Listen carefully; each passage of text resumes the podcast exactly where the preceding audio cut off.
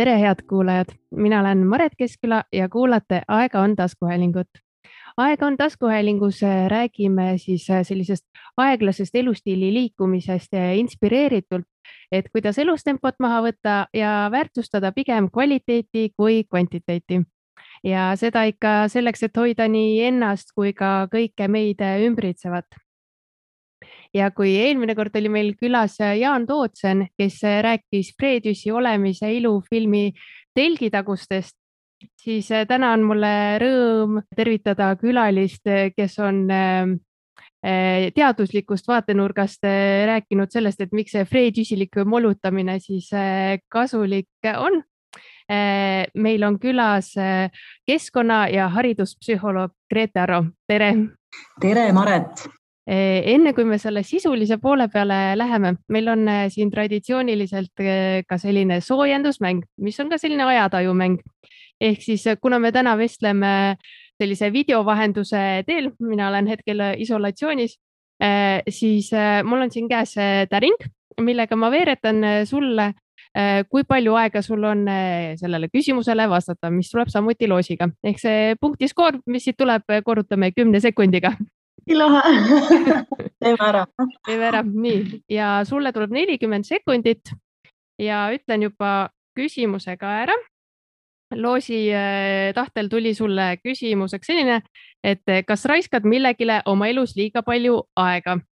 mina raiskan oma elus liiga palju aega sellele, millele ilmselt paljudki ja mille põhjus on see, et äh, et meil kõigil on vähem või rohkem probleeme eneseregulatsiooniga ehk siis näiteks hetkedel, kui eneseregulatsioon väsib ära, kui me ise väsime ära, väsib ka selline võime äh, näiteks algatada või peatada rumalaid tegevusi, et uudiste scroll imine, Facebooki scroll imine, selline tooli ja arvuti vahele kinni jäämine. et nii, et osa su teadlasest ütleb, et mine ära, mine ära, mine ära, lõpeta ära see jama on ju. tee midagi kasulikku ja, ja me teame, psühholoogiliselt, mis seal taga on, miks me niimoodi jääme kinni, aga isegi see teadmine mitte iga kord ei võimalda aktiveerida endas seda head strateegiat. Äh, et, et lõpetada selline nii-öelda tühi, on ta uudiste. aeg sai lihtsalt... otsa, aga ma lasen sul lõpetada, sest mõtted on pea. uudiste või lihtsalt selliste sotsiaalmeedia postituste scroll imine et äh, ja, ja siin ongi nagu lahendus võib-olla see, et, et mis tõesti aitab, on endale selliste mõnes mõttes ähm, selliste nagu süsteemide loomine, mis eos välistab selle konksu otsa sattumise väsinud peaga. Ja siin eh, esimesest vastusest kohe on eh, näha, et tegemist siin teaduse taustaga, eks ole. Kuivõrd.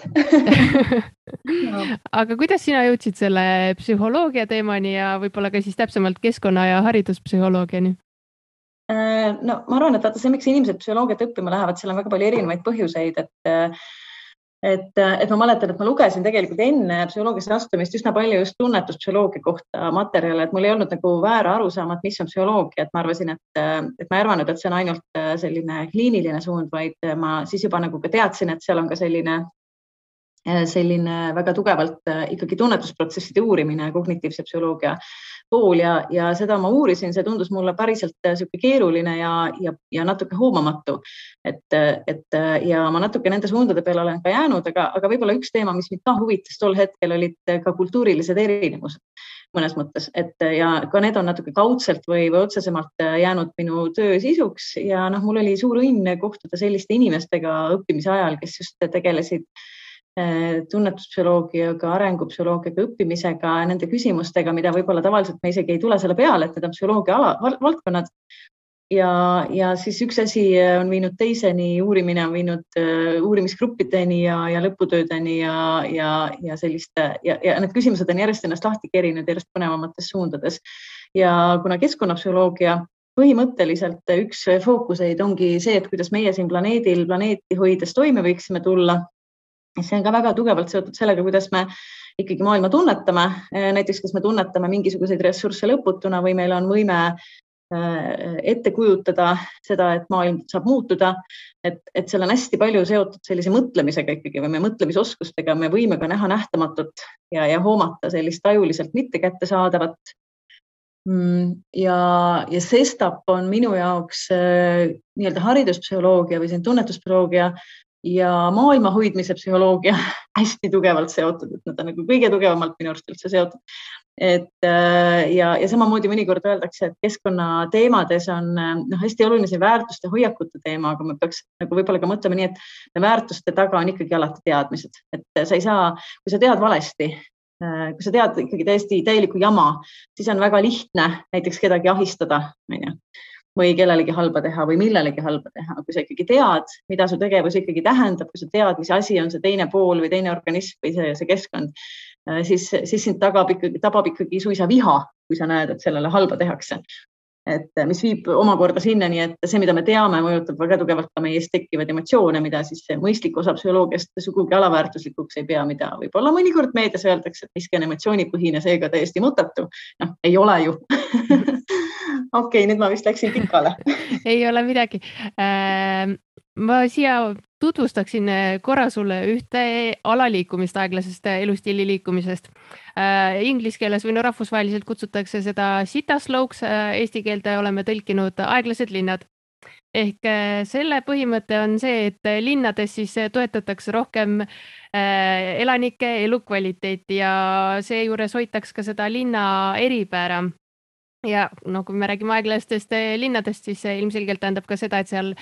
hoitakse sellist eh, elutempot eh, või vähemalt luuakse võimalused, et inimesed saaksid elada rahulikumalt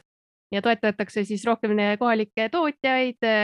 siis panustatakse tervislikude eluviiside juurde, rohealade ja parkide loomisesse ja siis ka see, et liikumine füüsiliselt olekski aeglasem, et oleks vähem liiklust ja müra ja neid rahvamasse kuidas sulle selline kontseptsioon tundub? See tundub nagu see kontseptsioon, mida sellise keskkonnapsühholoogia oma, oma keskkonnapsühholoogia identiteedis ma olen mõnes mõttes nagu äh, oma arust nagu hüüdja hääle, häälena rääkinud juba üle kümne aasta äh,. noh, nendes vähestes loengutes, mida ma keskkonnapsühholoogiast olen pidanud ja, ja see läheb täna minu jaoks ka kokku väga tugevalt selle hetkel, mul on tunne ainsa majandussüsteemiga, mida meil oleks mõtet püüelda, mis on tasaareng või, või degrowth et äh, minu arust need aeglased linnad on täpselt degrowth või tasearengu linnad, eks ju, ja mulle see hästi meeldib, sest, äh, sest see ütleb nagu hästi mitut asja ja see ütleb ka seda, et selline õnnelik planeet on kohe seotud äh, väga automaatselt õnnelikemate inimestega, tervemate inimestega ja õnnetum planeet ja katkisem planeet on seotud sellega, et meil on endal asjad ka hästi katki. et nii tervis, nii selline mõtlemisvõime mõnes mõttes ja, ja noh, et, et meil ei ole hea olla, õnnelikkus ka ja, ja et üks äh, suund, mis mind on hästi-hästi-hästi huvitanud keskkonnapsühholoogias ka on, vot sa mainisid seda linna rohelust ja, ja liikumist ja rohelises olemise võimalusi. et tegelikult on tõde see, et ikkagi inimesed äh, noh, mõnes mõttes heaks eluks ühe kõige olu- ja, ja terviseks ühe kõige olulisema asjana vajavad enda ümber loodust aga noh, eks me kasvatame üles hetkel ka põlvkondi, kellel ei ole üldse looduskontakti tegelikult, mitte võib-olla niivõrd veel Eestis, aga, aga ka Eestis, ka Eestis on neid lapsi, kes ütlevad, et metsas on bioloogia ja sinna ei tohiks minna. ja murus on puugid, puugid ja, ja mida kõike. et äh, ja, aga et, et see looduskontakti puudumine, et me tegelikult võib-olla ei kujutagi ette, kui, äh, kui halb on see psüühikale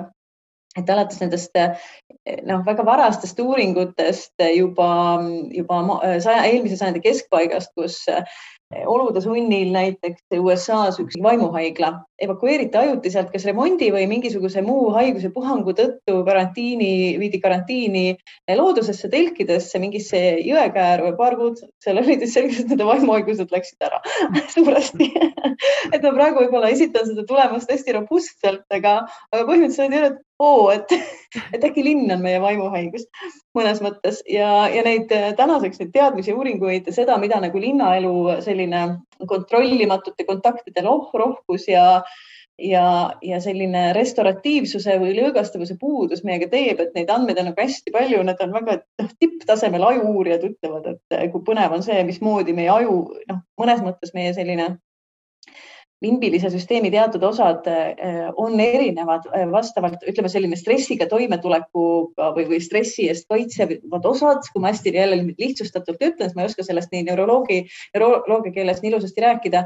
Eh, et, et need tegelikult korreleerivad sellega, kui lähedal su elupaigale on näiteks rohealad, noh, vähem või rohkem metsikud rohealad ka linnade sees, et see konkreetne uuring, mida ma silmas pean, on Kuunetal kaks tuhat seitseteist Max Planck instituudis tehtud Berliini kohta, et, et, et ja et miks see loodus siis nagu, et miks see aeglus, noh, mingis mõttes või see võimalus selles looduses kulgeda, noh, fakt on see, et loodust me kogeme vaid siis, kui me seal ikkagi oleme jala või rattaga või kuidagi niimoodi kergliigeldes, ratastooliga, ükskõik kuidas, et, et miks see meid aitab, et uuringud ütlevad seda, et me võime, nüüd me läheme sinna molutamise teemasse mm -hmm. otsapidi, et me saame nagu ähm, mõnes mõttes meie selline tähelepanu saab töödel, tööd, töötada mitmel viisil. Ja kui me nagu teeme, elame oma tavaelu, teeme tööd või õpime või suhtleme kellegagi, siis meie tähelepanu on nagu tegelikult kogu keskendunud millelegi. ja see tähelepanu ressurss väsib jube kergesti ära, te kõik teate, me kõik teame, et issand jumal, kuidas appi ma ei viitsi enam keskenduda, ma nüüd ei pannud tähele, mida ta ütles või, või ma sõitsin nüüd mööda sellest tee otsast, kuhu ma pidin minema, et, et, et ja tähelepanu ressurss on väga haavatav ja ta on ikkagi napp ressurss ja uuringud siis näitavad, et kui inimene satub näiteks looduskeskkonda, kõige paremini töötab looduskeskkond tõesti, noh, võib ka öelda, et töötava inimese jälgimine toimib samamoodi, aga ikkagi loodus ja, ja on nad siis puulehed või lumehelbed või lained või, või äh, tuul kusagil muru rullimas. et see tähelepanu, mis meil siis tekib, on selline sundimatu, et igaüks, kes on kunagi puulehti niimoodi tuiutanud tuima pilguga vahtinud kaugusesse, saab aru, et tegelikult seal, et ta ei, ta ei jälgi seda niimoodi keskendunult ja teadlikult, vaid et see tähelepanu on niisugune pehme ja sundimatu, mis ta nagu, teda nagu haarab ja samal ajal ei ole tal ka igav. kas pole huvitav, et sa ei ole ei keskendunud, aga sa ka igav ole, sa oled seal vahel. ja see väidetavalt siis nagu paljude selliste noh, uuringute järgi või ütleme, selline üks, üks nii-öelda tähelepanu taastumise teooria nagu ütlebki, et, et siis nendel looduskeskkondadel ka linna sees võib olla terve nagu rida selliseid omadusi, mis tõesti toetavad seda sundimatut tähelepanu. Ja siis sellisesse seisundisse minemine tegelikult taastab seda meie keskendunud tähelepanu maru hästi, ehk siis ta taastab meie võimet olla normaalne inimene, on ju, õppida, keskenduda, töötada, olla kena teiste inimestega, mitte nähvata, mitte sõimata autoroolis, on ju, ja need kõik vajavad tegelikult sellist nagu enda tagasihoidmist või sellist noh, keskendumist, noh teisisõnu siis tähelepanu. et, et põhimõtteliselt linn tähendab seda, et, et kui see linn oleks pidevalt pikitud äh, roheliste rahusaartega ja vaikuse saartega, siis see, see linn oleks meie nagu headust toetav mõnes mõttes, onju. et ja, ja see aeglus, et mulle nagu endale meeldib jubedalt nagu enda elus see kontseptsioon, et elada liikudes, et elada kogu aeg liikudes, et noh, et, et, et, et noh, trepid, tänavad, ratas, et noh, et kui ma pean elus nagu liikuma ühest kohast teise, siis ma liigun võib-olla füüsiliselt aeglasemalt, aga mina ise liigun kiiremini, tähendab minu enda keha teeb liigutusi, eks ju, ehkki ma kohal jõuan võib-olla aeglasemalt, mulle meeldib nagu see, see idee nendest aeglastes, aeglastes linnades ka, et, et, et aeglasemaks läheb võib-olla minu äh, kohalejõudmine suures plaanis, aga minu enda mõte ja minu enda füüsis liiguvad palju kiiremini palju rohkem. Ja ma võib-olla pean selle võrra palju vähem tegema mingisuguseid äh, tühje spordiliigutusi tingimata, et võib-olla, et noh, mitte, et mitte, et ma arvaks, et sport on halb, aga et võib-olla ma pean vähem nagu vaeva nägema, et otsida oma päeva siis seda aktiivset liikumist. Väga hea, eh, sai niisuguse üldise pildi eh, paika, saame nüüd eh, süvitsi ka minna, aga mul siin jah, lõpuotsas tuli selline küsimus, et kas äh, sul on mõni hea näide, kus sa oled äh, näiteks reisinud või miks mitte ka siin Eestis? Mõni linn, kus sa oled tundnud, et oo, siin on nagu väga hästi see, kuidas linnakeskkond tegelikult võimaldab ikkagi head vaimset tervist mm. -hmm. ja, äh, ja need näited tõesti, ma olen neid ka hästi palju koge, kogunud, et praegu ma ei ole, hoia silma ees, mul ma olen need päris palju ka üles pildistanud ja siis erinevates nagu loengutes demonstreerinud ja ma võin neid näiteid ja ma arvan, et need kunagi võib-olla ei saa öelda, et see iseloomustab nüüd võib-olla kogu linna tervikuna.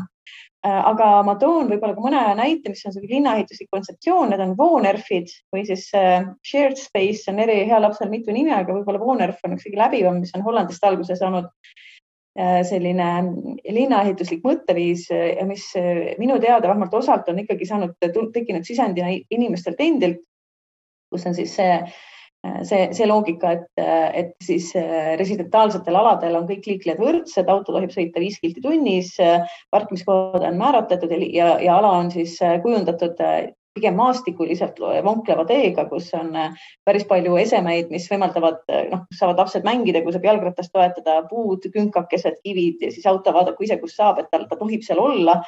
aga, aga nõrgemal on alati eesõigus, aga kellelgi pole õigust teist takistada tahtlikult, eks ju, et, et ja, ja siis uuringud näitavad, et Wonerfi rajamine võib olla algselt kallim, aga, aga see kasutegur on üüratu, on ju, see, millisele alale lubavad oma vanemad oma lapsi vabalt mängima on, et sisuliselt ta on selline moodne hanedega külatanum või selline tolmav külatanum, eks ju, ja siis just hästi palju on, on neid siis rajatud, et nad ei ole magistraalid, et keerad ikka residentaalsesse alasse, noh, mis meil on nagu puudus, arusaam, et see on residentaalne ala, inimesed elavad siin, tõmba hoog maha. et mul on hea meel, et osades kohtades on juba kolmkümmend, on ju, et mhm. seegi. aga et ega seda ju ei saada aru, et siin inimesed elavad, see on, see on elukeskkond, siin ei ole sinu asi kihutada. Et, et, et, et jah, et, et see on nagu üks selline liikumine, aga, aga võib-olla häid näiteid, näiteks Liima Peru pealinn ei ole üldse mõnes mõttes ei ole ta üldse nagu tingimata läbivalt selline hästi inimsõbralik linn. aga et äh, näiteks seal on äh, ookeani ja, ja siis ähm, linna vahel on paraku hästi suur magistraal, aga sealt kohe edasi läheb selline kõrge nagu ka ikkagi nagu klint või nagu, nagu meil, ma ei tea, selline äh, kõrge, kõrge kallas kuhu, kus on siis näiteks suurepärane, suurepärane näide hästi toimivast linnapargist rajatud, et kus sa ikkagi näed, et, et see, see linnapargi kasutamine, et noh, et hiiglaslik ala on ju, kui sa näed, et kõrvuti on sul,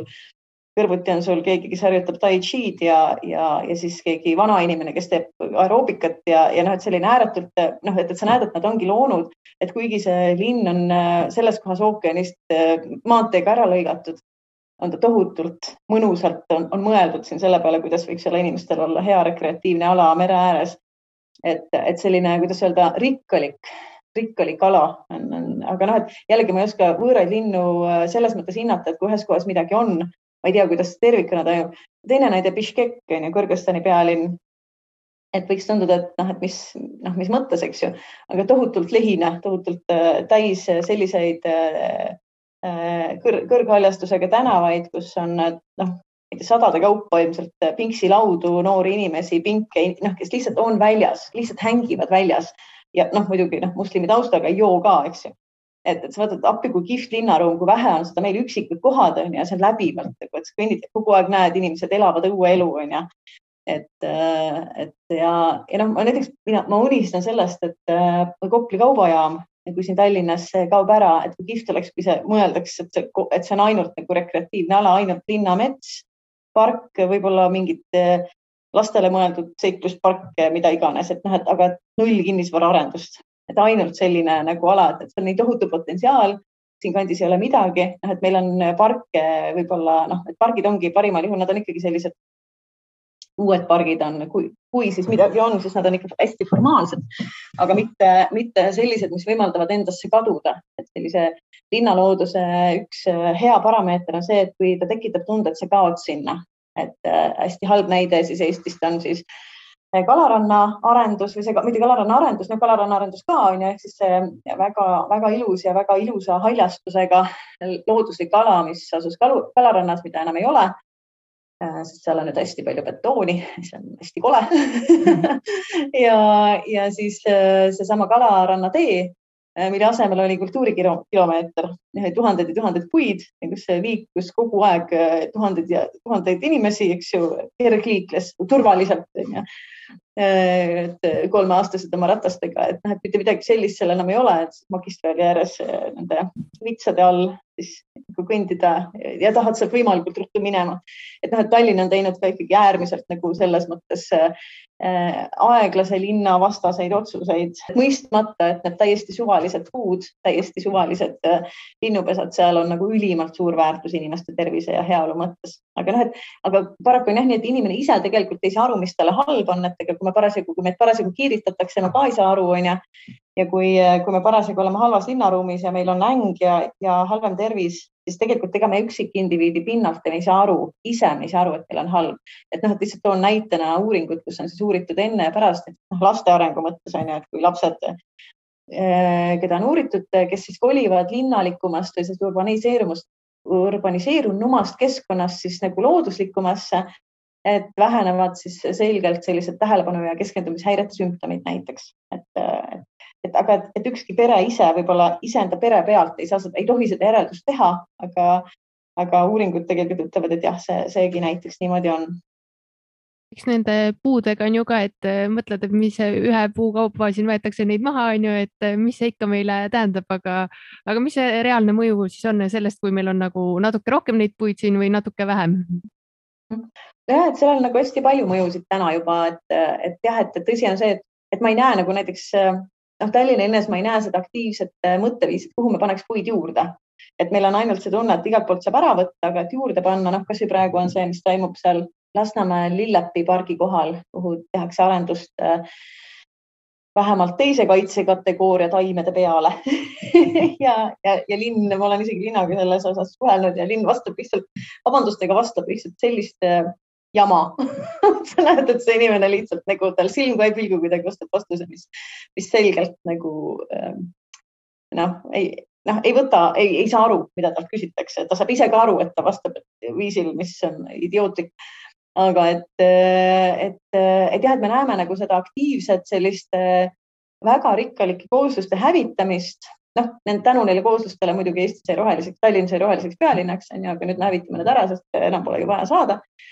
Et ja seda mõtteviisi, et panna, et suurendada liigirikkust ja suurendada neid alasid, mis on liigirikkus, seda ma ei ole küll kusagil siin Tallinnas näinud. et Tallinn on teatavasti hästi roheline, kuna Aegna saar kuulub Tallinna alla. et, et aga aga jah, et, et tõsi on see, et iga selline keskkond, iga roheline kasvõi noh, kasvõi noh, laiguke tegelikult ükskõik kui napp ta on, mõjub meie psüühikale alati hästi. Ja aga et samas on nii, et, et selline võib-olla lineaarne lihtsalt Puuderivi tänaval on ikkagi väikse, veel väiksema mõjuga kui see linnakeskkond, kuhu me saame siin sisse minna, kus, kus ta saab meid ümbritseda, nii et me ei kuule lärmi. et noh, et, et seesama kultuurikilomeeter on hästi hea näide sellest, noh, mida ma muidugi siis, kui see kõik toimus, ütlesin, mitte et keegi oleks kuulanud, et et äh, seal kõrval olev Kalamaja kalmistupark kaotab oma, oma restoratiivse tähenduse, kuna kui tema kõrvale tekib magistraal, siis park ei ole enam park, sest magistraali helid tungivad parki. Ja seega ei ole see enam selline immersion, sa ei saa sukelduda sinna loodusesse, sest seda loodust enam ei ole, seal pargis ei ole enam ühtegi punkti, kus sa ei kuuleks viiskümmend kilti tunnis sõitvate autode mürinat. noh, sama on ju Reidi tee onju, et see ei saa olla restauratiivne, kuna detsibellid on kahjuks sellised, et et ta on ikkagi magistraal, et, et ärge nagu, ärge lollitage inimesi öeldes, et see mõjub lõõgastavalt, see mõjub, et see on, et see on õues olemine et, et ta on ikkagi magistraali äär, äärde surutud, surutud jalakäija. aga nendel puudel on noh, muud tähendust ka või mitte ainult puudel, et noh, et õnneks Tartu poolt tuleb ju aina enam neid hääli. võib-olla mitte järjekindlalt, aga ikkagi tuleb, et, et saada aru, et lisaks puudele on ka hästi palju muud elurikkust võimalik hoida, et mulle hästi meeldiks, kui Tallinnas tekiks ka mõnigi ala, kus päriselt unustatakse ära selline kuidas öeldakse, et noh, muru kohta öeldakse, et muru on kõrbe solvamine, et see ei ole roheline kõrb on ju, sest ta on tunduvalt eluvaesem kui kõrb. et, et unustatakse vähemalt kõigis kohtades, kus me aktiivselt ei pea peal hüppama, ära muru niitmine ja jäetakse alles lamapuitu, ümber kukkunud tüvesid, pinda seentele, sammaldele, samblikele, väikenärilistele imetajatele, lindudele põõs, jäetakse alles põõsalinnad, mida me kusagil ju tegelikult ei näe, mis kõik võiksid suurendada ka seda äh, võimalust äh, vahetuks looduskontaktiks nendel lastel või inimestel, kes päriselt linnast välja kunagi ei julge minna. et, et ja noh, seda saaks ka selles mõttes kureerida, et, et anda ka märku, et see, mis siin on, on tegelikult tohutult palju rikkalikum kui see jõle muruplats no,, jõle niidetud muruplats siin kõrval, mis on funktsionaalne, kui seal, kui see on pikutamiseks või või pallimänguks või, või grillimiseks, siis on ta funktsionaalne, aga kui ta on lihtsalt silmadele, siis silmad küll sellest murust mitte midagi tõesti ei saa. ja nad ei saa ka mitte midagi aru, ei saa targemaks muru vaatamisest. aga et, et ja kolmas põhjus äh, haljastust säilitada äh,, kolmas ja neljas on seotud kliimamuutusega, et me teame, et meil ilm muutub niiskemaks, meil on vaja väga-väga palju pindu, kus on, mis, mis, kus on muru, mis võtavad ära selle üleliigse vee, mis jääb taevast alla. et äh, kõik need, kogu see sillutise ja asfaldiporno, mis on Tallinnas ikkagi väga noh, ikkagi valdav lihtsalt täiesti kohutav. et, äh, et, et, et see ei kaitse meid selle üle, ülemäärase vee eest, mis hakkab kliimamuutusega meile kaasa tulema, kaela tulema ja teine asi on see, et me vajame kuumasaarte leevendamiseks kõrghaljastust, aga noh, täna, täna lasime Pronksi tänavalt puud maha, sest noh, sest puud ei, sest elusolendid pole ju mingi väärtus. et elusolendite väärtuseks pidamine tundub vist lausa rumal. et, et jah, et me hakkame selle all veel kõvasti kannatama et eh, ma olen kuulnud, ma ei tea, kui, eh, kui täpne see on, aga, aga väidetavalt Riias on nii, et kui on eh, allees üks puu vajab väljavahetamist, vahetataksegi üks puu välja, nii et igas allees on noori, keskealisi ja vanu puid kogu aeg, mis on imeilus mõte, on ju, nagu ühiskonnaski. võiks ka muidugi vanad inimesed ja katkised inimesed välja vahetada, aga millegipärast me inimestega ju nii ei tee. Nii et jah, puid on meil vaja, neil meid mitte ja seejuures ju tehakse mitmeid algatusi, et äh, istutatakse metsa siis äh, puid, et meie linda, linnadest võetakse maha ja tehakse kuskile kõrvale, et ja aktsioon, et istutame puid juurde. kas see mingil määral aitab tegelikult ähm,? metsa ei saa istutada, see on mm -hmm. välistatud, metsa istutamine välistatud. Äh, on võimalik ökoloogiline taastamine teatud olukordades kus, äh, kus ähm, ökosüsteem on hävinud ja siis seda tähendab, siis teevad seda teadlased, see on õudselt raske, õudselt kallis, kuidas tuua sinna tagasi mullaelustik, vastav mullaelustik, ega me tegelikult täna väga ei tea, kuidas mullaelustik liigub, isegi on, noh, arvatakse, et osalt liigub mullaelustik ka lindudega kaasa kuidagi jalgade küljes. Äh, aga et mullaelustiku taastamine, kui palju me üldse teame mullaelust, kui sa võtad ühe teelusikatäie mulda, seal on elustikku, kui see on päris muld elustikku rohkem kui planeedil inimesi, on ju, ole, olevusi. et sellest kõigest sõltub see, mis, mida see mets saab teha, et mets ei ole ju puud, mets on seeneriik, bakterite riik, nematoodide riik, arhede riik, putukad noh, nematoode ma ütlesin juba linnud, on ju, imetajad. et mets ei ole karu ja, ja, ja kuusk, eks ju et, äh, et ma tahan näha inimest, kes ütleb, et ta on kunagi metsa istutanud, ma peaks tast väga lugu, aga ma arvan, et ta ei tea, millest ta räägib, aga jah, et ökoloogiline taastamine, metsaalade ökoloogiline taastamine on äärmiselt raske ja kallis, nagu ka soode taastamine. lõhkumine on hästi lihtne. üldiselt inimkond oleks arukas ja, ja säästlik, kui ta ähm, kõige, kogu oma auru paneks äh, säilitamise peale ja siis ökoloogilise taastamise peale, kus, kus on hävinud ja kus veel saab taastada aga, aga lõpetaks selle, selle, selle mõtte ära, et me istutame kuhugi puid või et ja, ja, ja see kuidagi kompenseerib seda, et me oleme kusagil metsa maha võtnud. et ja metsa istutada küll ei saa, puid, puid saab istutada, aga puud ei ole mets täitsa mõistan. Äh, sa enne tõid seda ka välja, et äh, nii tore on, kui inimesed veedavad aega väljas, ometigi see on päris väike osa tegelikult ju meie igapäevast, mis me oleme õuekeskkonnas ja enamus aega me oleme ikkagi toakeskkonnas, et äh, kuivõrd see meid äh, mõjutab äh, psüühiliselt? jah, see on, see on hea, hea point ja, ja, ja tõesti on ju teada, et, ähm, et see kõik ei sõltu üldse ju kliimast, eks ju, vaid see sõltub sellest, kuidas me planeerime oma elu, oma riideid ja eelkõige oma linna, et Kopenhaagen on ju hea näide sellest, kus arvati, et meil on, sest neil on halvem ilm kui meil teatavasti, meil on meil on vahepeal sellist karget külma ka, aga neil on kogu aeg halb see suusailm, et ja inimesed on väga palju väljas, kuna linnaruum on väga hea selleks, et, et ilm, ei ole üldse süüdi. on ju, samamoodi võime Soomest tuua palju näiteid, on ju, et, et noh, see on, see mõtteviisi küsimus et eh, loomulikult mulle meeldib see õuelasteaed nagu idee õudselt ja ma saan aru, et praegu vist on ka mingi pere, ma ei ole ise näinud, aga ma tean, et on mingi pere, kes elab Belgis kellest on vist telesaade, aga et, et tegelikult jah, et tõsi ta on, et kui me kasvõi mõtleme nagu väikelapse arengu peale, siis Aveliina Helm on hästi ilusasti öelnud, nagu kui laps sünnib, mida kohe nii tule, kohe nii tule, kohe, kohe metsa, kohe nii tule, et see on tema immuunsüsteemile tohutult, tohutult kasulik. kui soomlased installeerisid lasteaedadesse sellised kastid metsa, metsa äh, taimestiku, metsa alustaimestikuga panid õue siuksed kastid ja siis lapsed olid seal näppupidi askeldasid, et siis äh, immuunsüsteem paranes kohe paari kuu vältel, haigused vähenesid et noh, et millest me räägime, millest me räägime, eks ju et ja noh, me teame ka vanemaid, kes nagu kaotavad selle hetke, kes ei tule selle peale, et, et lapsed peaks kohe algusest peale harjuma, adapteeruma metsaga, harjuma ära, et see on, see on loomulik keskkond. aga tõsi on see, et nagu me just rääkisime, kui metsa enam ei ole, on võib-olla metsa haledad imitatsioonid, eh, monokultuursed ühevanuselised puupõlvud, mis ei ole, mis ei ole see, mis on äärmiselt vaene keskkond. et ega siis, ega siis me ei oskagi tahta enam ja meil ei olegi enam kuhugi minna, et see luksus, et kusagil on sellist äh, erivanuselist loodusmetsa, kus inimene ei sekku äh, ja kus, kus kesk, ühesõnaga see keskkond toimetab oma, omal käel, et see on aina suurem, ma arvan, et see on suurim luksus siin planeedil. natuke veel on, aga me teeme kõik, et seda hävitada, nii et ja see ei tee meie tervisele sugugi head. aga jällegi, inimene ise seda enda kohta teada kunagi ei saa, et selleks ongi teadusuuringud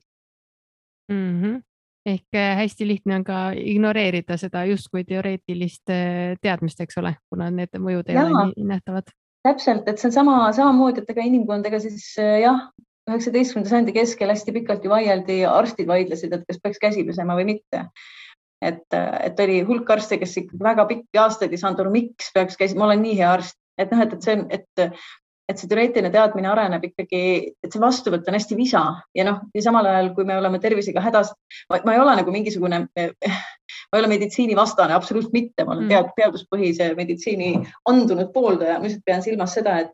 et võib-olla on varjatumad kumulatiivsed mõjud sellest, et meie looduskontakt kaob ära äh, nagu üks ennetamise viis et kuidas tervist hoida ja vaimset tervist ka et, äh, et jah, ja et, see ongi nagu see, et me ei oska nagu otsida seda ravimit sealt loodusest mõnes mõttes, mitte ravimit, vaid sellist nagu elustiili muutusest nagu hädade ennetust. jah, et, et selles mõttes siin nagu võib-olla, et kui mõelda, et mis on see, äh, mis on see seletuse selline äh, või kausaalsus, mida siis teadlased ütlevad nagu linnaeluga seoses, et kui nüüd minna, minna nagu täpsemaks, on see, et kuna selline stressi leevendus on inimesele kõige lihtsam või kergem või, või tõhusam läbi looduse stressi leevendus, sest stressiga on seotud hästi palju nagu füüsilised haigused. et psühholoogilise stressiga on seotud nii kardiovaskulaarsed, siis gastroenteroloogilised ja, ja, ja muud, muud haigused, et mis, mida me siis tegelikult selle nagu põhjuseni ei pruugi alati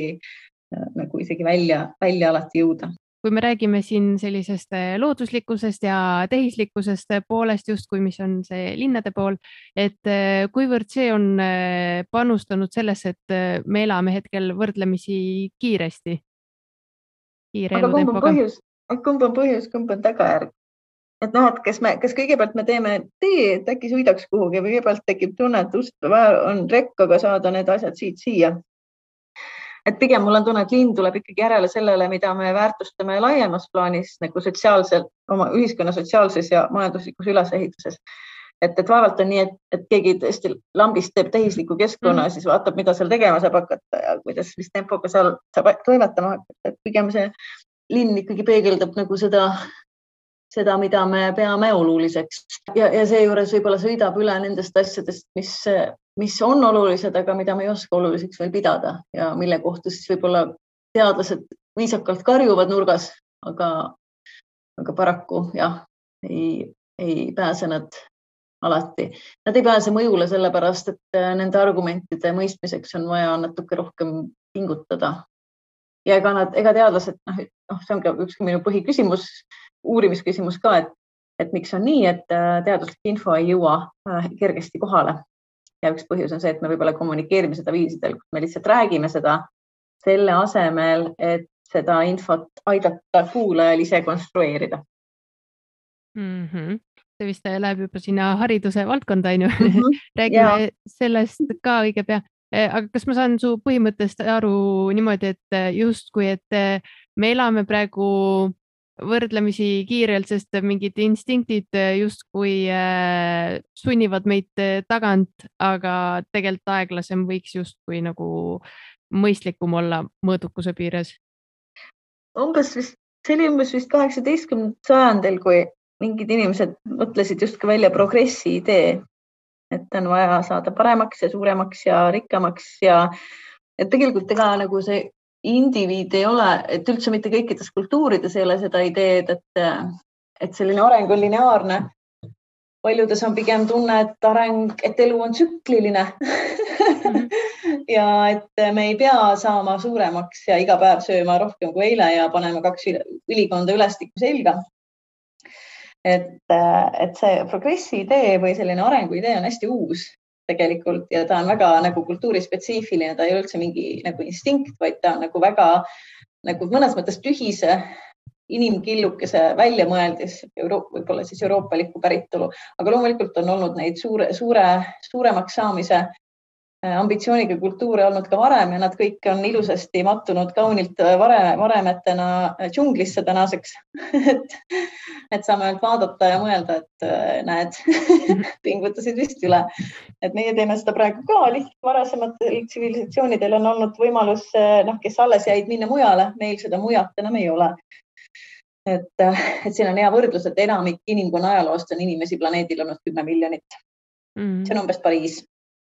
nüüd on pea noh, kaheksa miljardit enam muja, muja sai otsa. et äh, aga et, et jah, et, et see idee on uus, see idee on nagu võib-olla Euroopa, kes on selle taga, tegelikult on selline antropotsentristlik mõtteviis, tundub, on ju, et, et see, see, et inimene on ülimuslik teiste liikide suhtes jällegi ei ole üldse inimlik universaalmõtlemises, vaid see on meie võib-olla meie sellisele religioossele kultuurilisele taustale eriomane ja siis ütleb, et kõike võib meie, meie enda heaolu ja arengu jaoks ohverdada. lõpuks siis meid endid ka, eks, et, et ma arvan, et jah, et, meid ei aja taga suurenemise instinkt, et see, mis meid tegelikult õnnelikuks teeb, mis nagu üksikindiviidi õnnelikuks teeb kultuuri üleselt, on hoopis teised asjad kui rikkamaks saamine või, või, või kuulsamaks saamine. aga kui meid piisavalt kaua hoida keskkonnas, kus, kus meid karistatakse selle eest, kui me pole teistest paremad ja suuremad ja veatumad ja ilusamad, siis me õpime sealt, sellest saama oma naudingut nii-öelda või sellest saama oma, oma eneseväärtust. et ja, et ja noh, seda kõike me siin naudime, selle kõige tulemusi varsti et, et selles mõttes mulle õudselt meeldiks, kui teie podcast oleks äh, hästi populaarne. Mm. et aeglus, et aeglus on tegelikult just see, mis, mis esindaks minu jaoks seda, mis, mismoodi inimkond võiks elada või peaks elama. Ja, ja see võib-olla ainult alguses tundub inimestele keeruline sellest kinni pidada, et ma arvan, et üsna pea saavad, saaksid nagu selle omaks võtvad inimesed aru, et neil hakkab palju parem ja no ongi see süsteem on, on ju nii lai, aga et mida me siis äh, saaksime nagu väiksemalt teha, kasvõi oma siin äh, keskkonnas, et me saaksime ise äh, kasvõi oma väikses mullis rahulikumalt võtta mm. -hmm.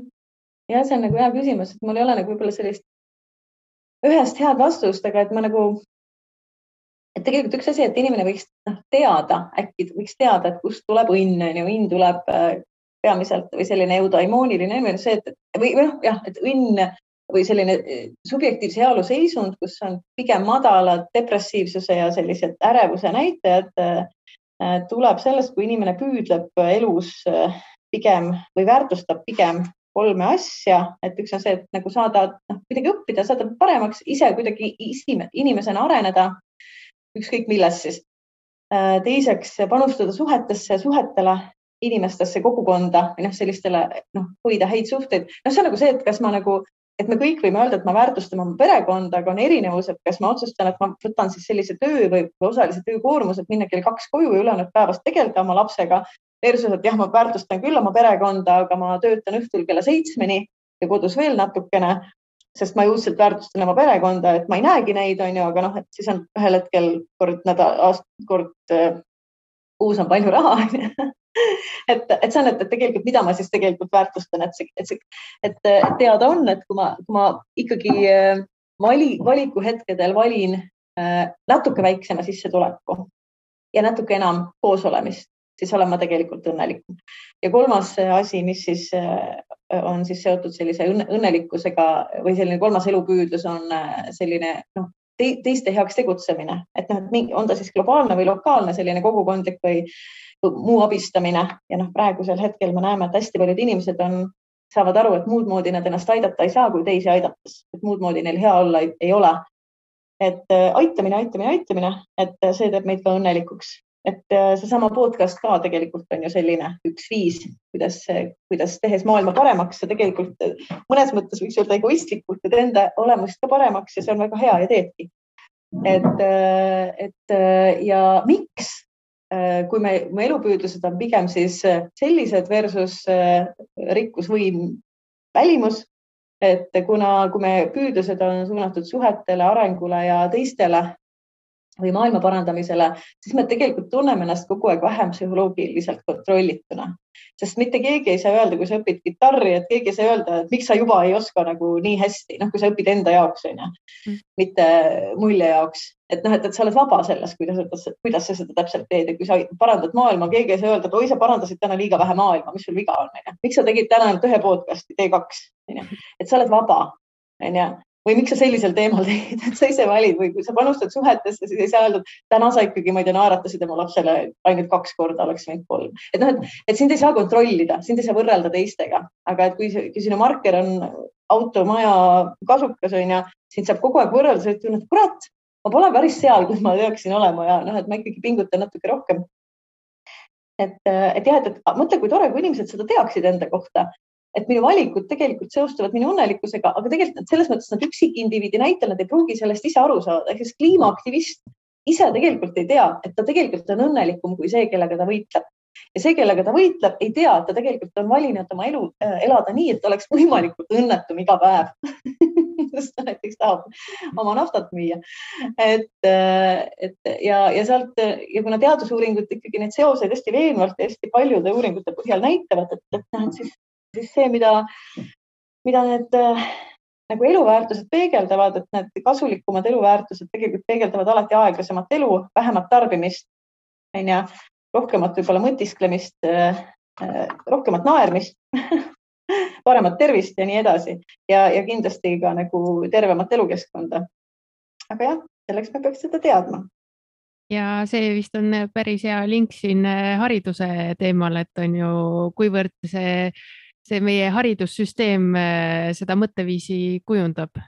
kas sul on selles osas seisukoht? ja, ja tead, see on hästi tugev link, see on hästi hea, et sa selle just niimoodi ära, ära,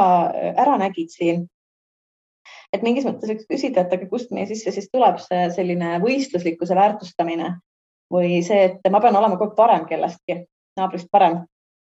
ja mõnes mõttes võiks öelda, et kui mul, kui meil kogu aeg nagu haridussüsteemis või nagu lapsena surutakse peale seda, et et sind võrreldakse ainult läbi välise. et äh, uurijad ütlevad ilusti, et you are losing your internal frame of reference, et sa, sa kaotad oma sisemise nagu ähm,, nagu sellise, kuidas seda öelda, nagu, nagu väärtussüsteemi või sisemise nagu noh, et mis on hea ja vajalik ja õige, et kas ma nüüd tohin keskenduda sellele füüsika ülesandele veel kolmanda nurga alt või ma pean ta lihtsalt ära andma, sest siis ma jõuan järgmise ka teha ja siis ma saan viie. Või ma üritan päriselt sellest füüsikast aru saada siin ja praegu mind ei koti, mis hinde ma saan ja kui meil on see maailm, et kus me kogu aeg äh, meid äh, noh, vahel silmakirjalikumalt, vähe, vahel mitte, ikkagi nende samade hinnete ja selle veatu soorituse põhjal seatakse ritta, jagatakse selle pinnalt avalikku ja, ja vähem avalikku armastust, äh, kiituskirju ja muid jaburusi. loodan, et need keelatakse Eestis varsti täielikult ära, see on päriselt kahjulik praktika et, äh, et, et, et siis tegelikult, kuna ma kaotan selle sisemise väärtussüsteemi, et mis on nagu noh, mis on huvitav, mis on minu asi, mis ei ole minu asi, on ju, kogu aeg hakkan hüppama üle lati. Äh, siis tegelikult ta nagu täiskasvanu jaoks, eas ma olen harjunud tegelikult sellega, et ma kogu aeg pean võrdlema teistega, sest mul ei ole ene, endal, mul ei ole mingit väärtust, on ju et see väärtus tuleb ainult läbi võrreldes, võrdluse teistega ja, ja ta siis päädib sinna, et noh, mõjukam, ambitsioonikam töökoht, prestiižsem linnaosa, ei tea, ilusam ilusam elukaaslane äh,, ilusam ise. et äh, ja see on see ainus, millega ma nagu päriselt äh, üritan saavutada tagasi seda nagu seisundit, et kus noh, kus mul nagu nii-öelda elule kontroll, aga tegelikult seda päriselt seda, seda heaolutunnet lõpuni kunagi ei saavuta, ehkki ma ei saa ju aru, miks ma ei saavuta, sest ma ostsin järjekordse uue asja onju, miks ma küll õnnelik ei ole see ei tähenda seda, et, et inimesed ei väärtustaks aitamist või, või suhteid või arengut, muidugi väärtustavad. lihtsalt, kui neil on valikukoht, nad valivad tegelikult need teised asjad ja jätavad valimata selle, et noh, et ma elaksin võib-olla nii-öelda selliste tasasemate väärtuste maailmas on ju ja õnnelikumalt. ja vot, see on nagu see, mida teadus ütleb, eks ju, me võime teadust uskuda või, või mitte, aga teadus, gravitatsioon sellest ei muutu, kas me teda usume või mitte jah, siin on äh, hea koht võib-olla jällegi ühte aeglase elustiili liikumise alaliikumist äh, tutvustada eh, ehk on olemas ka aeglase hariduse liikumine. kas sa oled sellest kuulnud? kusjuures ei olegi, aga ma, see kõlab väga hästi. Ja eh, ma arvan, et eh, just see, mis sa enne kõnelesid, läheb sellega kokku ka. ehk eh, laias laastus nagu enamus aeglase elustiili liikumised on vastukaaluks mingile niisugusele tendentsile. Ja selle puhul just siis nendele tihedalt täis topitud õppekavadele, kus ei ole piisavalt aega süvenemiseks ja mõõdetakse siis tulemusi hästi standardselt, nagu sa just välja tõid, on ju testid ja ja. kituskirjad ja kõik see pool ja et siis äh, just nagu äh, fookuses on see kvaliteedi tagamine, äh, personaliseeritus ja süvenemise võimalus. vaata, see on kõik see, mille nimel meie siin Eestis hommikust õhtuni võitleme ja kaagutame ja see on ka see, miks ma pressisime ennast ministeeriumisse tööle, et seesama õppekava tasand võiks ka nagu aru saada, et noh, et tegelikult vaata see, see kiirustav ja täisõpitud õppimine peegeldab arusa-, noh, ütleme, peegeldab arusaama, et õpi, õpi, õppimisest kui nähtusest ei saada aru. sest nagu seesama aeglane õppimine läheb kokku väga mõnusa, võib-olla mõnusalt kujuneva väärtussüsteemiga inimeses läheb see kokku ka sellega, et kuidas päriselt eh, süvitsi teadmised, nagu päris teadmised inimese sisse jõuavad, need jõuavad ainult läbi aegluse, et õppimise kõige olulisem. et noh, see ongi vaata, et teie podcast'is või noh, see mõte võikski olla see, et, et õppimise puhul on aeglus esmatähtis ja mitte aeglus selles mõttes, et me ei tee midagi, vaid selles mõttes, et päriselt selline mm, pingutav ja, ja segadusse ajav ja kõrvadest tossu Äh, välja ajav õppeprotsess, see võtab alati aega, et see pingutus on seal e noh, eelduseks, ega me, me tegelikult ei julgegi pingutada, me ei julge valida raskeid ülesandeid, kui iga vea eest me saame hindealanduse. eks ju, et siis me üritame lihtsalt teha, õppida siit-siia ainult seda, mida küsitakse ja jumala eest ei vali ülesanded, mis on rasked, mis on keerulised, millest me aru ei saa ja, ja kus me võiksime päriselt midagi õppida et jah, et, et me hullult proovime, hullult püüame ja pingutame selle nimel, et, et või noh, ma räägin nüüd meie vormis on ju mm., minu kolleegid, et, äh, et see muutuks põhiliseks väärtuseks hariduses, aga ega see nagu lihtne selles mõttes ei ole, sest, sest äh, on väga palju sellist noh, tegelikult vale arusaama õppimisest, mis ütleb, et õppimine on õppimine, et, et me peame lihtsalt kogu materjali läbi kappama ja me ei küsi, et kas sellisel moel tekib õppimise illusioon või tekib õppimine. Noh, tegelikult see kappamisõpe jätab inimesed tegelikult täiesti noh, ütleme neitsilikuks nende teadmiste suhtes, mida nad läbi kappavad, eh, hoolimata saadud eh, täiuslikest hinnetest selle protsessi käigus. Need hinded peegeldavad illusiooni, aga mitte, mitte sügavate, pikaajaliste ja ülekantavate teadmiste teket ja me esimeses eh, saates sel hooajal rääkisime lugemise teemast ja seal tekkis ka see küsimus, et kas see on üldse realistlik, et, et ähm, me saame haridust omandada sellisel rahulikumal viisil. kuidas sulle äh, tundub? ainult rahulikul viisil saabki haridust omandada, kiirustaval viisil ei omandata üldse mitte midagi ja selle võiks täiesti, see võiks ära keelata, ära kaotada, see on lihtsalt aja raiskamine, et kiirustamine, et see ongi nagu minu põhitees on see, et kiirustamine on suurim ajaraisk. me tahame päriselt kõikide iseenda aega ja raha raisates, me kiirustame õppides ja siis on selge, et mitte midagi selgeks ei saa. Aga kui me näiteks otsustame ära, mis asjad on päriselt vajalikud ja nendes mömmerdame mõnuga ja õpime hästi segi läbi, sest kõige nõmedam on õppida peatükkide kaupa, onju, sest tark on õppida nii, et sama teema tuleb jälle ja jälle jälle sulle peale, et anda võimalust unustada ja meenutada ja, ja erineva, erineva nurga alt teadmisi siduda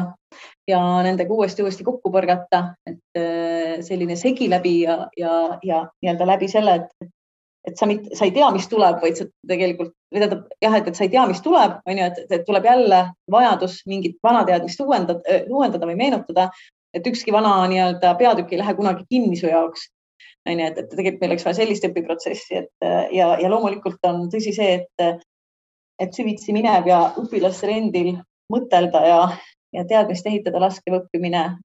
alguses võtabki väga palju rohkem aega, aga pikas perspektiivis ei võta, sest see tekitab õpilastes ka võime palju paremini oma õppimist ise suunata. ja pigem võiks arvata, et sel viisil õppides meil sellisest äh, kontseptuaalsest teadmisest äh, ei jää kindlasti vähemaks, kindlasti tuleb seda sellist süva, sügavat teadmist väga palju rohkem juurde. aga täna me lihtsalt teeme kõik, et seda juhtuks justkui või noh, veel, veel justkui teeme ma siin tooks mängu selle PISA testi ka, mis, mis selle meie heade tulemustega justkui PISA testis kaasneb? aga kuidas need meil on head selles mõttes, et kui sa vaatad kõiki üle kolmesaja aastase kirjaoskusega riike, nende tulemused erinevad omavahel väga vähe. et me oleme ühes plokk, plokis nendega, et need erinevused on tegelikult küllalt pisikesed, eks ju. et see on nagu üks asi, teine asi on see, et et mis need tulemused tähendavad, et loomulikult PISA ülesanded ei ole mingid sellised, loomulikult saab nendeks harjutada ja treenida muidugi, aga et, et loeb ka see, kui motiveeritud on haridussüsteem head PISA tulemust näitama, kui motiveeritud on Eesti haridussüsteem seda näitama näiteks või Hispaania on ju, kedagi ei koti see mingi PISA on ju mm. ja siis sellest sõltub ka see, et mis tulemused tegelikult tulevad. kolmas asi on see, et mina ei mõõdaks kunagi üheski aines mitte PISA testiga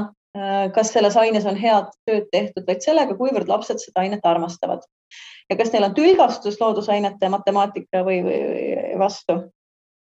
Äh, või neil on armastus selle vastu ja nad tunglevad Tartu ja Tallinna ja kõikide ülikoolide uste taga, et aa, kui saaks õppida füüsikat, sest see on äge ja ma armastan seda noh, sorry, me ei näe seda, onju. mis tähendab, et kui ikkagi aine suudab eh, sõltumata headest tulemustest tekitada viha ja tülgastust enda vastu, siis on ikkagi kõik valesti läinud, nagu noh, tõesti kõik, onju. Mhm. et, eh, et jah, et, ehm, et ja see on noh, mõõdik on väga selge,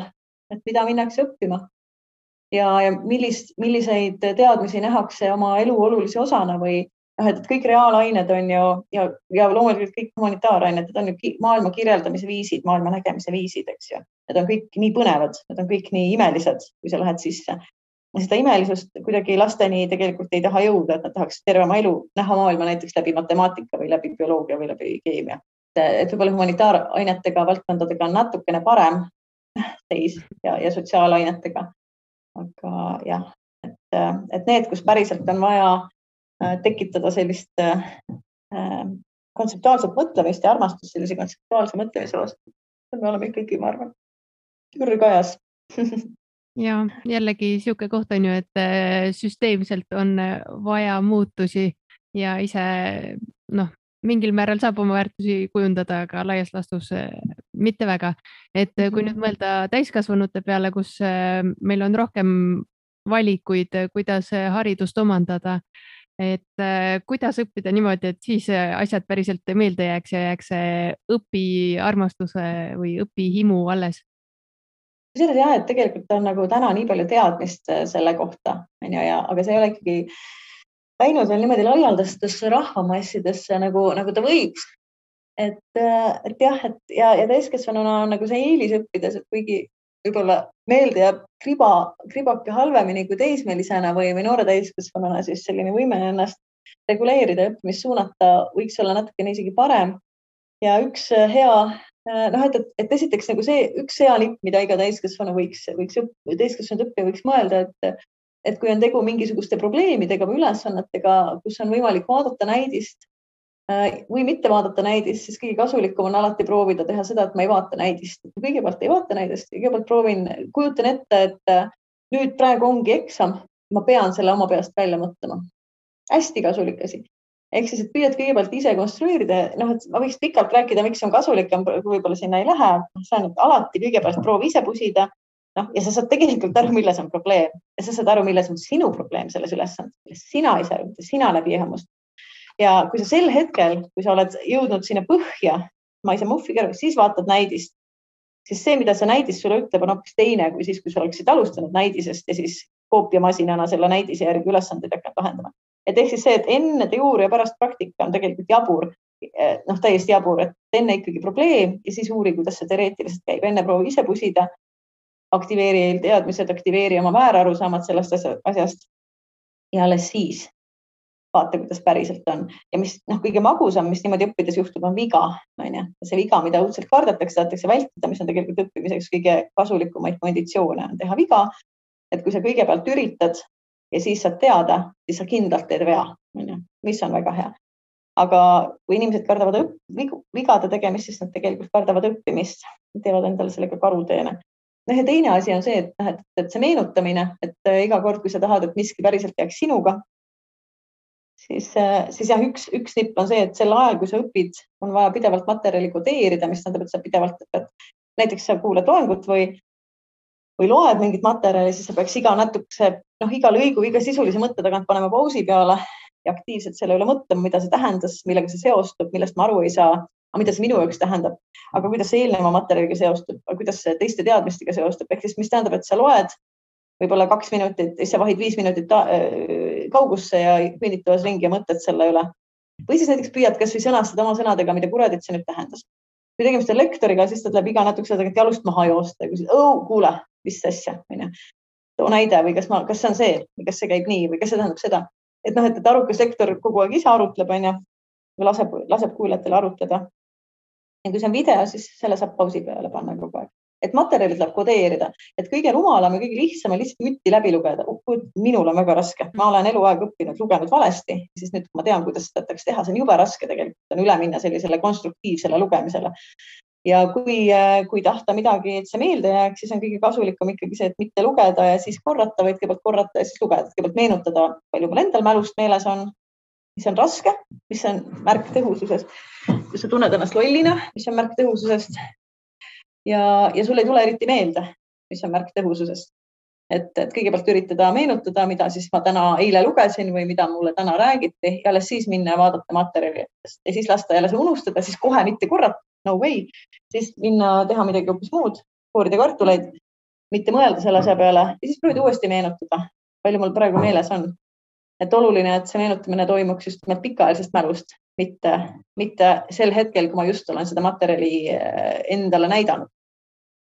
et, et ehk siis, tegelikult kõik mõistlikud õpistrateegiad on need, et pööra see oma tavapärane praktika, praktika pea peale ja, ja ongi hästi. meil on kindlasti ähm, kuulajaid, kes juba saavad aru, et ja, et aeglasemalt äh, tegutsemine oleks ilmselt mõistlik -hmm. aga et ähm, kui nad nüüd tahavad, et need asjad päriselt tegudeni ka jõuaks, kas siis kuulamise ajal nad võiksid äh, midagi teistmoodi teha? Aa, äh, kindlasti nad ei peaks seda jutti kuulama et kui nad tahaks, et, et vaata, ongi, et jutti võib kuulata siis, kui see on niisugune meelelahutuslik.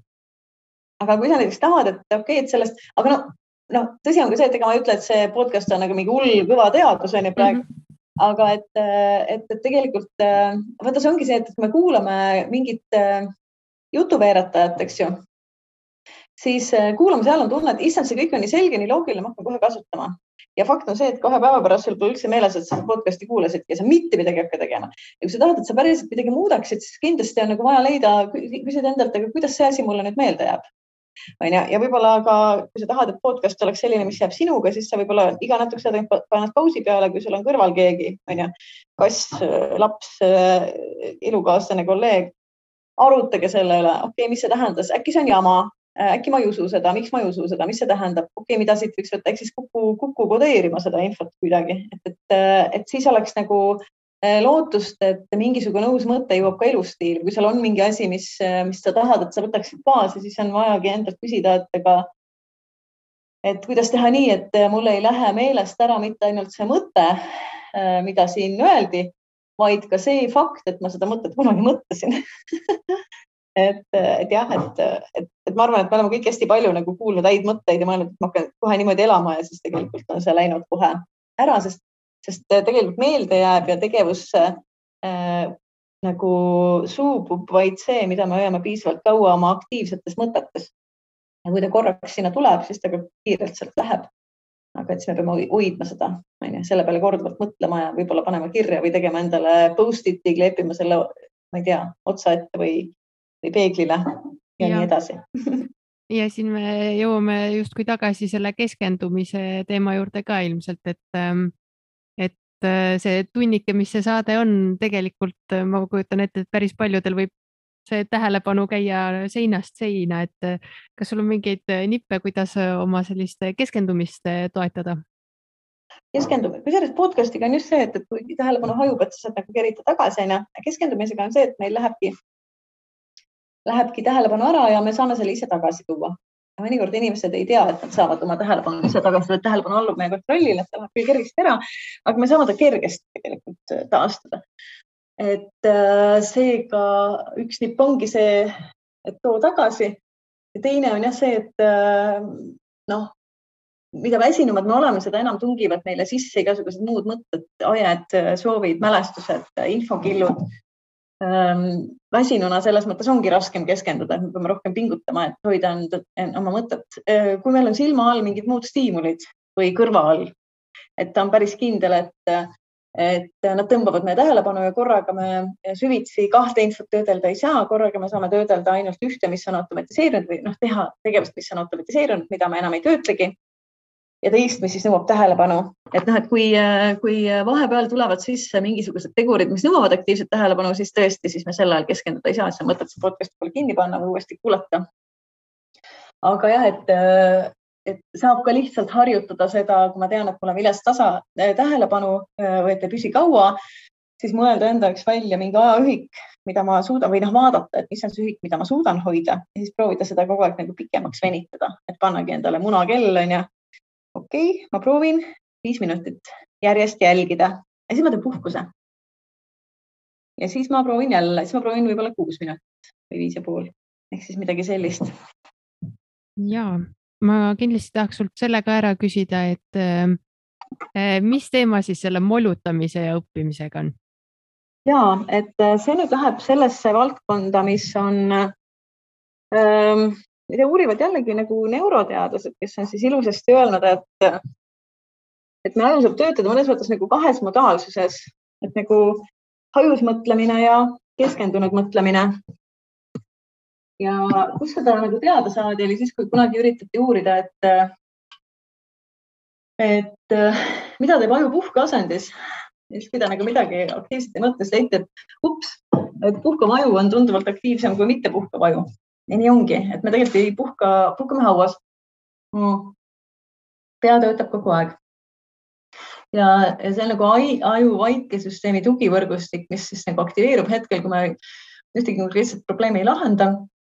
ja see on selline seisund, mis võimaldab ära lahendada mittekonkreetseid probleeme, näiteks, et kui meil on mingi suur ja mittealgoritmiliselt lahendatav probleem, mingi keerukas asi, mida on vaja läbi hammustada, mingi lahendus, noh, mingi selline, et ei, mul ei ole siin nagu eh, matemaatikavalemit ette võtta. Et siis on kasu just sellisest uinamuinatamisest ja molutamisest ja poolunes kaugusse vahtimisest ja noh, seda on nagu hästi paljud ju teadlased ja suured kunstnikud ka demonstreerinud, et nemad ongi tulnud oma läbimurdeliste mõtete peale nii, on see siis Edison või on see Picasso. täna me lihtsalt teame, et jah, ja nad on kasutanud ka nippe, kuidas ennast sellel hetkel üles äratada, sest äh, sul võib tulla läbimurdeline äh, mõte, aga see läheb meelest ära, sest siis sa jääd sügavalt magama, näiteks mõni, kes on hoidnud mingisuguseid äh, kivikesi või kuule käes, et sel hetkel, kui nad päriselt magama kukuvad nad käest maha, siis ärkab üles, saab mõtte kätte. Et äh, aga see mm, hajus mõtlemine on kasulik ainult juhul, kui see vaheldub sellise keskendunud mõtlemise perioodidega, et noh, et meil on vaja anda iseenda teadmistele sisendit keskendunult õppides või mõteldes või lahendades nagu neid tükke, aga selles hajus mõtlemise modaalsuses paneb aju mõnes mõttes meie teadmata need tükid uudsetel viisidel kokku ja kui see lahendus on lahendus, ta paneb väga palju, võib katsetada väga palju eri viise, väga palju jaburusi aga kui ta nagu, kui see lahendus tuleb, siis mingis mõttes võiks öelda, et siis me tunneme nagu ära selle. ahah, kuule, niimoodi võiks. nii et mis ütleb jällegi, et kiirustamine on suurim ajaraisk, pidev kiirustamine, et, et kus on meie laste molutamise aeg või täiskasvanute võrkigi aeg. et see on äh, sellise heade lahenduste peale tulemise mõttes ülioluline, noh, see võib olla duši all käimine, mõni, mõned lähevad vetsuseadi teed, mõni, mõnel jalutades, äh, midagi lihtsalt käelist tehes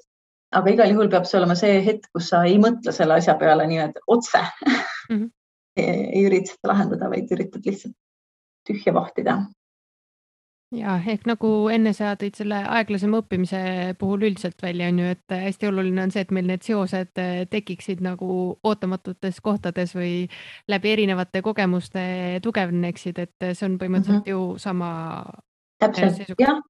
ma arvan, et jah, et see on nagu hea, hea, hea link praegu jah mm. -hmm mm. -hmm. Äh, okei okay., aga kuidas siis äh, sellist ähm, äh, aeglasemat ja justkui ka tõhusamat äh, õppimist ise endal toetada just selle keskkonna loomisega? tead, ma ei ole nii kindel, et äh, et see keskkond on siin kõige otsustavam, aga mm -hmm. noh, mhm. tõsi ta on, et, et noh, meie tähelepanu fookus on hästi piiratud ja välised stiimulid, mis kas plingivad, piuksuvad, välguvad, ühesõnaga annavad kas visuaalseid või, või helilisi või muid stiimuleid, igal juhul meie tähelepanu peab nendele minema, ta lihtsalt peab. ja fakt on see, et kui sa tahad, tahad midagi keerukat, kompleksset, mis on natuke raskem kui suvaline kartuli koorimine, eks ju. et siis selleks on vaja kogu sinu vaimujõudu ja kui osa neist jälgib Facebooki piukse või mingisuguseid üleshüppavaid sõnumeid, siis, siis sa võtad endalt ära võime midagi lahedat välja mõelda või millest päriselt lõpuni aru saada. nii et alati vaesem keskkond, alati parem. uuringud ju näitavad seda, onju, äh, väikesed lapsed või algklasside lapsed, et lihtsalt tühjemad seinad alati paremad, ära topi neid täis äh, toredaid, lõbusaid postreid, pilte, onju et, äh, et jah, et loomulikult võivad seinte peal olla asjad, aga need on need, mis on laste vaatepunktist mõtestatud ja tähenduslikud. Ja ütlevad neile midagi kasulikku, siis et nad ise on võib-olla need teinud, need plakatid endale juhiseks aga et äh, jah, et äh, mõnes mõttes selline mõtlemiseks on hea vahepeal kasulik olla natuke sellises mungakongis. et vaesemas ja lihtsamas ja tühjemas keskkonnas. et, ähm, et kus, kus kõik ei karju ja ei plingi kogu aeg ja äh, kui minna tagasi nüüd sellele hästi laiale elukeskkonna tasandile, kas sul on selles osas ka veel mingeid äh, soovitusi välja tuua, et ma ei tea, kas kuidagi valida endale seda elukeskkonda või kuidagi kujundada? ei tea, meil ei ole vist varsti enam eriti midagi valida, suur luksus, eks ju. et, äh, et ma arvan, et, äh, et tegelikult ei sõltu äkki nii palju sellest esiteks ma arvan, meil peab olema nagu moraalne kohustus nõuda head elukeskkonda, nõuda head linnaruumi näiteks oma omavalitsustelt, et me täna küll nõuame, aga nad arvavad ikka, et te ei tea midagi ja puid pole kellelegi vaja. Mm, aga noh, me vähemalt saame nõuda. aga jah, et ma arvan, et sõltumata elukohast või e, tegelikult on olulisem see elustiil, mida me seal teeme. et aga jah, tõsi ta on, et eh, noh, fakt on, et kui me ikkagi võtame ära endalt kogu looduse, siis loodusesse minna ei saa, aga noh, loodus võetakse ära ka maal, on ju. et eh, kui me räägime monokultuursetest põllumassiividest, siis see on eluvaesem kui linn, päris kindlasti kohe. kui me räägime monokultuursetest metsadest või maha võetud metsadest, siis, siis seal pole ka asjad paremad ja kui me näiteks elame maal, aga kogu oma vaba aja sõidame autoga tööle ja kooli ja igale poole, siis meil ei olegi seda loodust võib-olla võimalik kasutada enda hüvanguks, nii et jah, et siin ei ole nagu head vastust ja ma arvan, et me täna liigume nagu suures plaanis selle poole, et varsti me räägime sellest äh, heaolu toetavast äh, keskkonnast äh, nagu sellises arheoloogia võtmes mm. et, et võib-olla tänane see sõnum ongi see, et, et kus iganes on võimalik äh, soodustada vähemat tarbimist, on ju, mõistlikumat tarbimist, mitte selle tarbimist, mida, mida me ei vaja, vaid mida me tahame Äh, ja selle arvelt äh, hoida alal otseselt või kaudselt äh, elupaiku, et siis seda tuleb teha. et meil ei ole vaja majanduskasvu, on ju, sest see on niikuinii võimatu nähtus. et lõputu majanduskasv ei saa olla kuidagi võimalik piiratud ressurssidega planeedil. Ja noh, see tooks siis kaasa ka selle, et meil oleks rohkem häid kohti, mis meil päriselt oleksid nagu psüühikale pelgupaigad. Ja ühesõnaga masendav, kõik on hästi masendav. Ja meil siin äh, läbi, ma arvan, mõlema selle taskuhäälingu hooaja on käinud läbi see küsimus, et kas on võimalik, et ähm, meie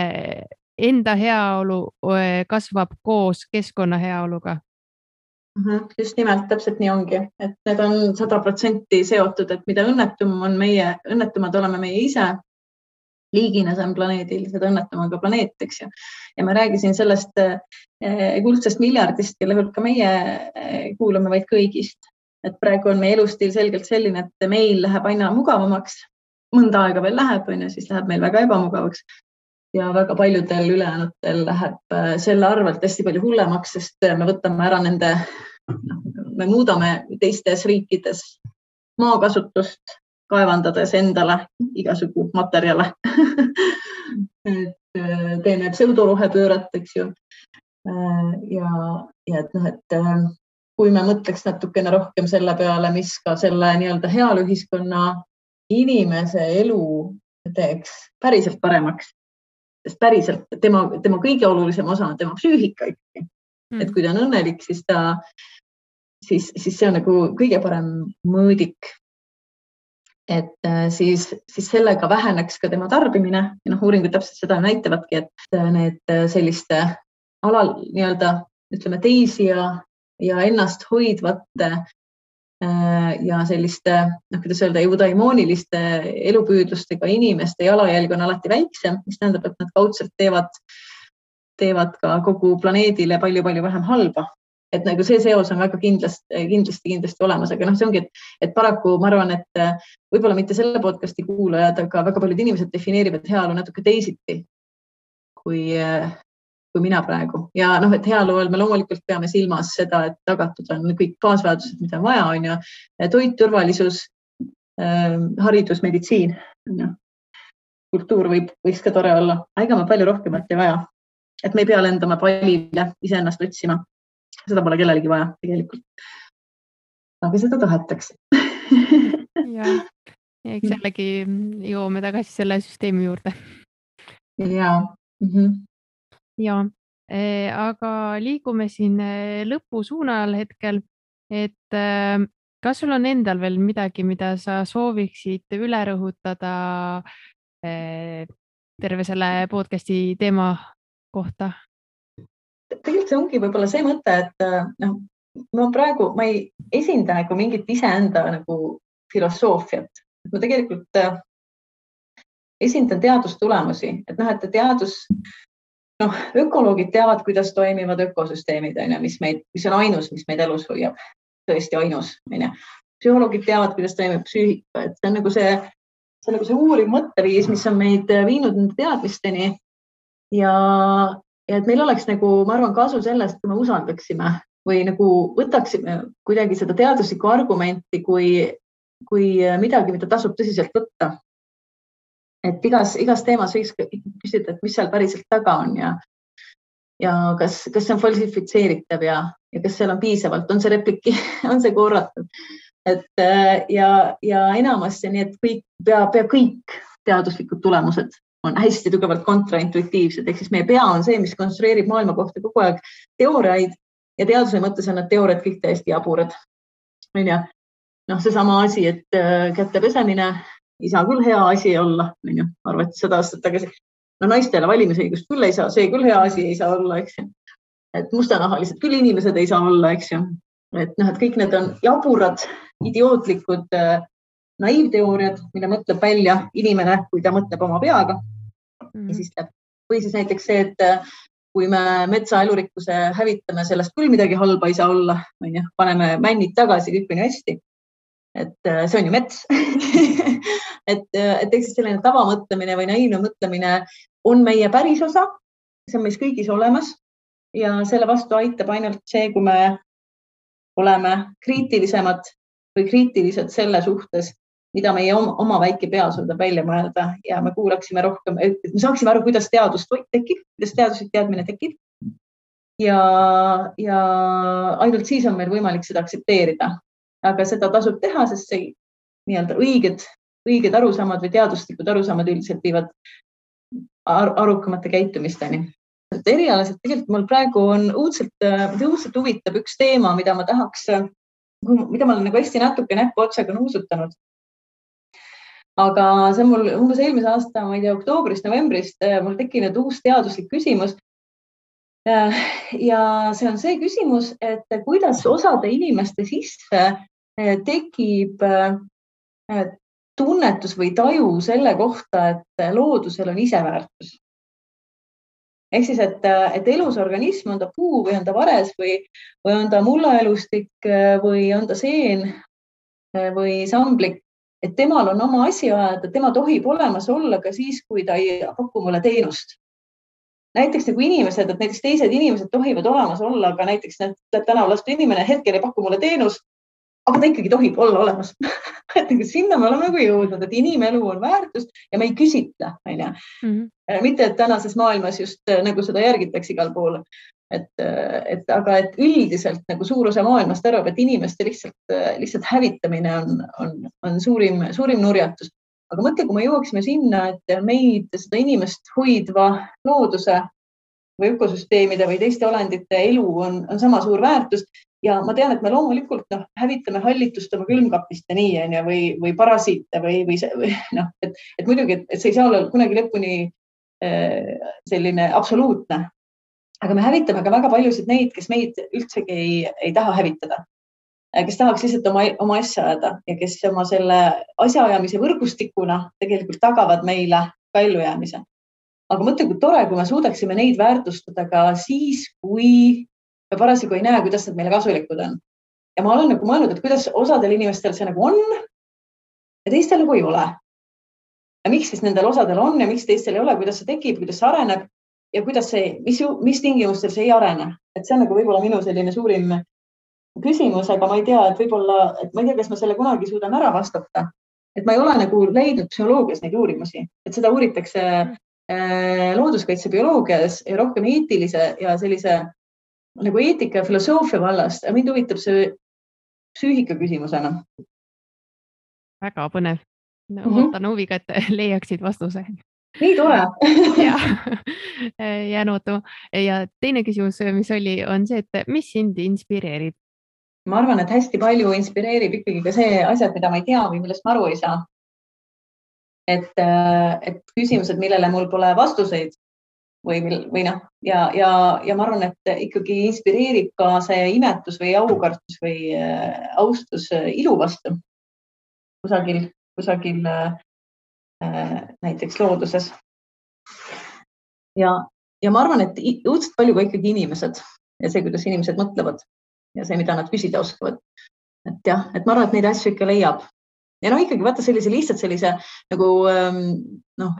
jälgimine, noh, on ta siis äh, mingisuguse organismi jälgimine või sellise looduskeskkonna jälgimine, et juba see on ka väga inspireeriv ja, ja küsimusi tekitav. ja äh, aga suur aitäh, et sa selle aja leidsid, et äh, meiega siin nendel teemadel arutada. ma usun, et siit äh, tuli väga palju toredaid mõtteid. väga tore. ja nagu ikka, teen äh, väikse kokkuvõtte ka siia. et Grete väga hästi kirjeldas täna, et